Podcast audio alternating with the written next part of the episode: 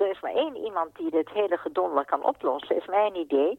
Angela Merkel. Als je haar benadert vanuit diplomatieke kringen en zegt, kijk eens, we hebben nog iets. Zou u dat willen doen voor ons? Niet in uw functie, maar in de functie van mens. Zij kon hem heel goed aan. Hier is Hanengekraai door Luc Drosten met Elisabeth Bierens de Haan.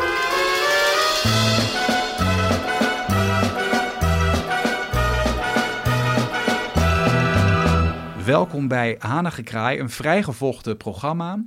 Dat kan ook niet anders met uh, Elisabeth Bierens de Haan, die zelf als meisje de oorlog nog heeft meegemaakt, waar ook al meermaals bij is stilgestaan in deze serie. En mevrouw Bierens de Haan, ja, uh, eh, 5 mei, um, we kunnen het niet anders dan over vrijheid hebben deze week, maar dat kan eigenlijk ook niet zonder dat we het hebben over oorlog. Want, nou ja, goed, uh, sinds februari is het in Europa weer.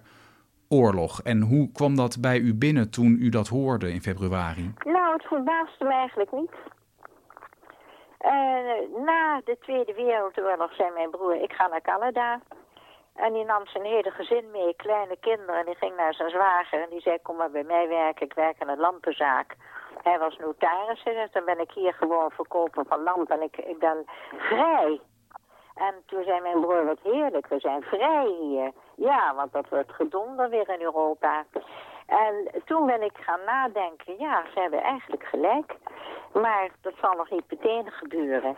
En eh, toen dat gedonder begon, de inval van de Russen, ja. Ukraine, toen kwam het besef van, daar heb je het weer. Wat is, wij hebben het onderwerp, wat is vrijheid? Daar gaat het om. Ja.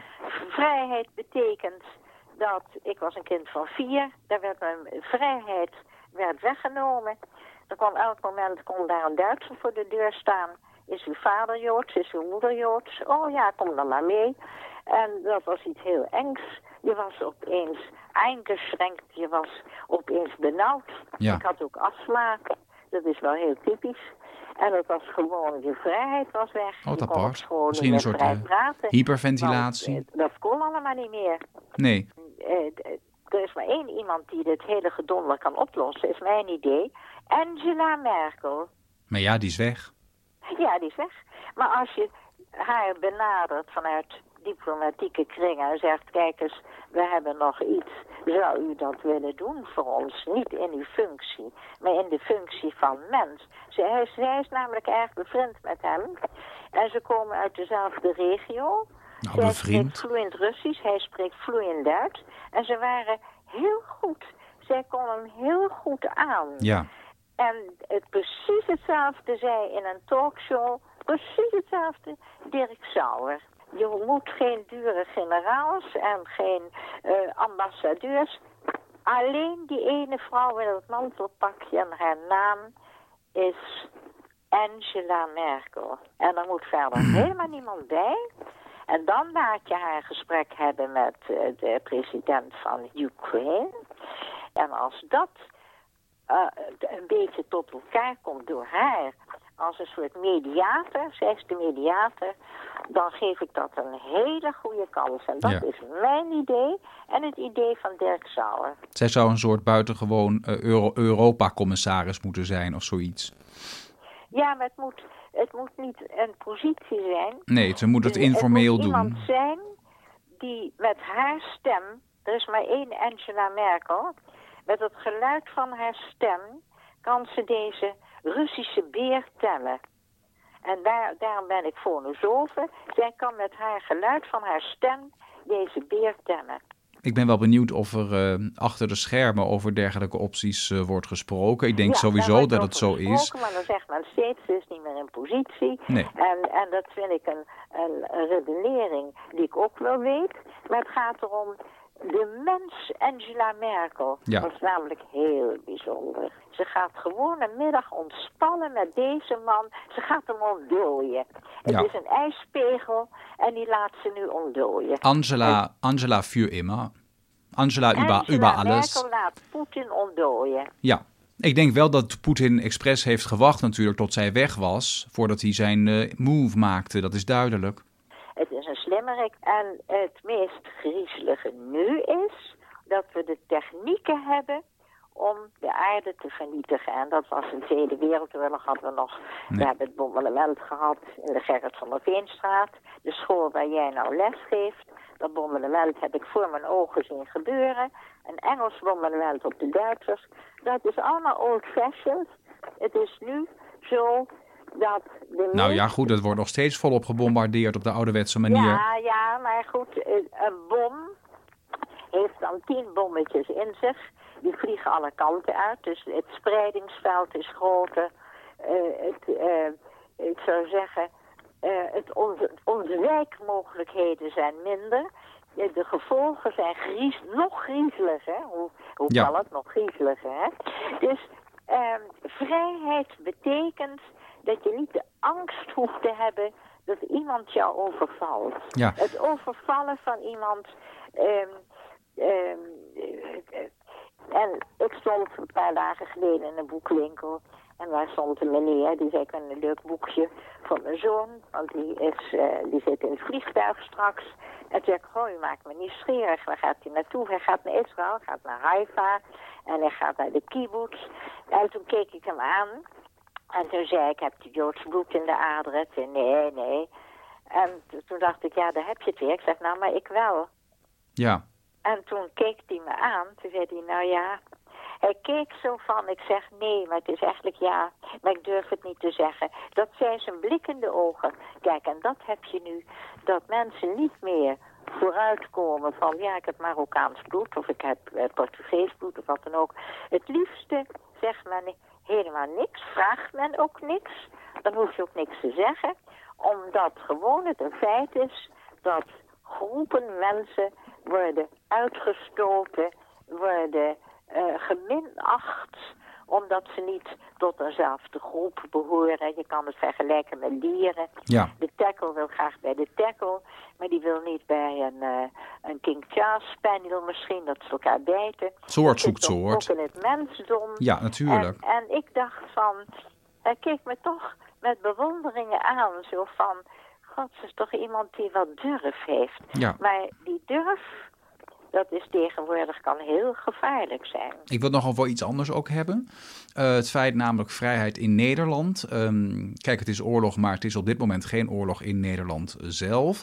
Eh, het is net weer Koningsdag geweest. Het is heel druk in de stad. Mensen beleven helemaal een vrijheid die heel veel mensen als herwonnen ervaren, omdat de corona- coronamaatregelen zijn opgeheven. Hoe vindt u dat Nederlanders zelf op dit moment omgaan met de herwonnen vrijheid sinds het opheffen van de maatregelen enerzijds en het beleven van vrijheid anderzijds, terwijl het wel oorlog in Europa is? Nou kijk, ik vind het gevaar, vind ik, alles is losgelaten. Iedereen is weer bezig op de oude toer. En eh, dat vind ik dus een groot risico. Als zij dat willen doen, prima. Maar het gevolg is, dat is net zoals met die vogelgriep. Opeens, er zijn iets van 330.000 kippen geruimd in een paar dagen. Ja. Dat komt gewoon, en dat zei iemand van het Europees parlement, die stallen zijn veel te vol. Ja, Die kippen zitten op elkaar, dus als mensen op elkaar, naast elkaar, zoenen. maar vindt u eh, dan dat Nederland te vol is? Te vol? eh, ja, Nederland is wel te vol, maar je moet me- eh, meer ruimte aan elkaar geven. Ja, maar dus eigenlijk pleit u voor het, het deels handhaven van wat als coronamaatregelen is begonnen. Nee, nee, nee, niks handhaven. Die vrijheid is niet gek. Maar kunnen de mensen die vrijheid aan? Daar gaat het om. Ja. En vindt u dan dat mensen, eh, dat is nog weer een andere inslag, hè? er wordt met eh, Koningsdag ook gewoon gefeest en zo. Vindt u dat mensen zich meer bewust zouden moeten zijn van de gevaren en daarom een ingetogener leven moeten Ja, leiden op dit moment? Beste, beste jongen, daar ben ik totaal met je eens. Nou, ik zeg niet per se dat dat mijn mening is, maar Als de wijn is in de man, is de wijsheid in de kan. Acht glazen rode wijn, witte wijn, bubbelwijn. Dan ga je echt niet meer denken van, wat zijn de regels? Moet ik het niet doen, moet ik het wel doen? Ja. Dan is je verstand weg. Maar ik bedoel eigenlijk, ehm, vindt u het op zijn plaats dat Nederlanders feest vieren terwijl er elders in Europa oorlog is, of niet? Nou, dat vind ik ook dubbel. Ja. Ik ga niet, ik heb geen zin in feest te vieren. Waarom moet ik gaan feest vieren? Nou ja, omdat je kan Omdat denken, ik- het staat los van elkaar. We vieren aan de ene kant eh, Koningsdag. We vieren Ja. het feit dat we nog wel vrij zijn wel- hier. Dat kan je wel met gepaste bescheidenheid ook doen. Ja, Ik ben niet aan het feest vieren, ik ben aan het bidden. ja. Ja. En dat zou nou eens heel prettig zijn als de Nederlander weer die kerken opengooit en gewoon weer de kinderen leert van de elementaire dingen, de bijbelse dingen, gewoon weer ouderwets. En zeggen van kinders, we gaan vandaag een mooie kerk bezoeken. Kijk, dat moet je ook leren. We gaan eens naar een moskee en we gaan eens even zien dat er meer is eh, tussen hemel en aarde. Dat zou nou zo fijn zijn om de mensen het begrip bij te brengen. Eh, heb de ander lief gelijk uzelf. Is zo leuk. Iemand zei tegen mij, ja, ik ben miljonair, ik kan alles permitteren. Ik zeg, nou, ik ben, ik ben miljonair, ik ben ook miljonair, miljardair. Ik, ben, ik heb nog meer. En toen keek die man heel verbaasd naar mij. Ik zei, ja, ik heb de rijkdom van het geloof. Nou, die man was meteen misselijk. Ah, dat is een leuk... eh, leuke- Hij dacht, ik kan me alles permitteren. Maar het geloof, ja, dat heb ik niet. Mhm. En daar zit het hem in, wat is vrijheid? Vrijheid is, zoals het in het Nieuwe Testament staat. Maar toch een beetje dus. Vrijheid. Maar dat verval is toch wel dan deels waarschijnlijk ook te verklaren door de ontzuiling na de jaren Ja. zestig. En het, hè? Ja, En, en het houden vast dat mensen hadden in het verenigingsleven en met de omroepen die stonden Ja. voor bepaalde christelijke stroming bijvoorbeeld. ja. Ja, nou ja, goed, de, de geest is uit de fles.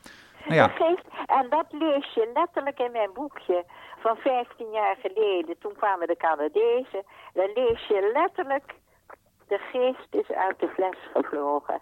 Ja. En daar zitten we nu in. En dat betekent drollen. we wachten het af. Eh, op de korte termijn wil ik vooral van u graag nog even weten ter afsluiting ook. Hoe gaat u komende week eh, bevrijdingsdag eh, doorbrengen? Rustig thuis, met een boek in een hoek. En ik ga geen eh, gekke dingen doen. Ik ga een gebed doen dat deze wereldcrisis wordt opgelost.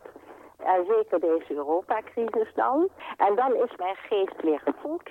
En dan kan ik verder. Nou, ik wens u een ontzettend bevrijdende bevrijdingsdag toe. En dank je zeer. En dat wens ik jou ook, Luc. In volledige vrijheid. En ik zou Ik zeggen, Ja, tot de volgende keer. tot de volgende keer. Wilt u reageren? Dat kan. U kunt direct contact opnemen met mevrouw Berends de Haan via haar eigen mailadres elisabethberendstehaan.ziggo.nl